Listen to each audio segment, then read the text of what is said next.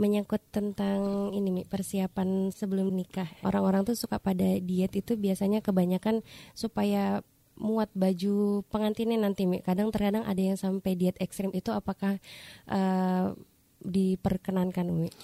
Ya itu kan satu pilihan ya. Artinya kita itu bukan satu diet itu lagi buk, tidak membahayakan kepada fisiknya. Hmm. Bukan suatu yang terlarang kok hmm. gitu.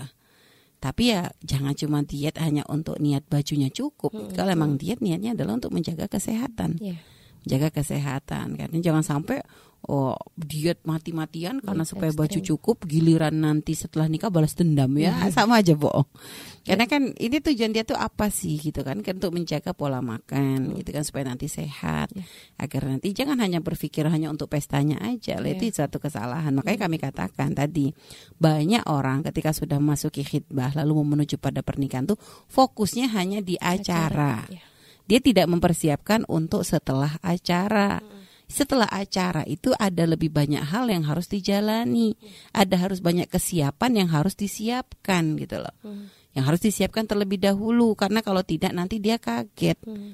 Karena pernikahan itu tidak hanya satu hari. Hmm. Itu nanti adalah fase sampai kita berharap itu sudah sampai kita meninggal sampai itu sudah selesai baru jadi ibaratnya sampai sudah akhir hayat kita tuh ya dengan kita kan pengennya sudah seumur hidup ya sudah sekali itu kan hmm. gitu harapan harapan orang kalau menikah kan bukan pengen uji coba nanti untuk ini lagi gitu. Makanya e, kami katakan tadi kesiapan-kesiapan itu makanya kita obrolin nih sebelum kita memasuki pernikahan supaya nanti ketika masuk sudah ada gambaran hmm. oh kayak begini kayak kayak kita gini loh kita pengen masuk ke satu sekolah hmm kita pengen masuk ke satu sekolah. Tentunya ya kita tuh sebelum ini kan kita akan mempersiapkan dulu. Yeah. Misalnya ternyata di sekolah ini menuntut kita untuk punya hafalan ini, punya hafalan ini, hmm. punya begini, begini, begini, begini. Tentu kalau di saat kita menyiapkan dari awal itu kan enak, kita nggak kaget. Hmm. Bukan tiba-tiba kita langsung datang masuk kaget sok. Ternyata ada hafalannya, ternyata harus menyiapkan ini ini. Kita nggak siap sama sekali.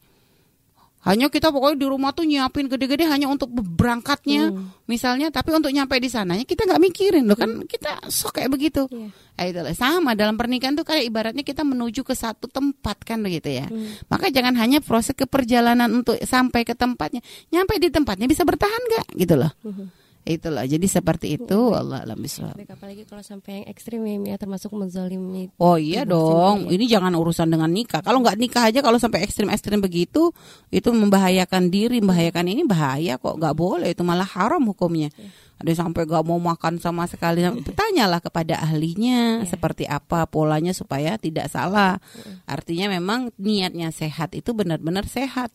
Bukan hanya niat kurus untuk penampilan misalnya tapi memang untuk menjaga kesehatan mm. seperti itu mm karena memang kita setelah acara masih harus terus lanjut hidup. Oh iya dong, nanti giliran bagus waktu gaunnya, uh gaunnya cantik, cukup. Giliran habis itu sekarat, sama aja bohong. Suaminya suruh ngerawatin lah gitu.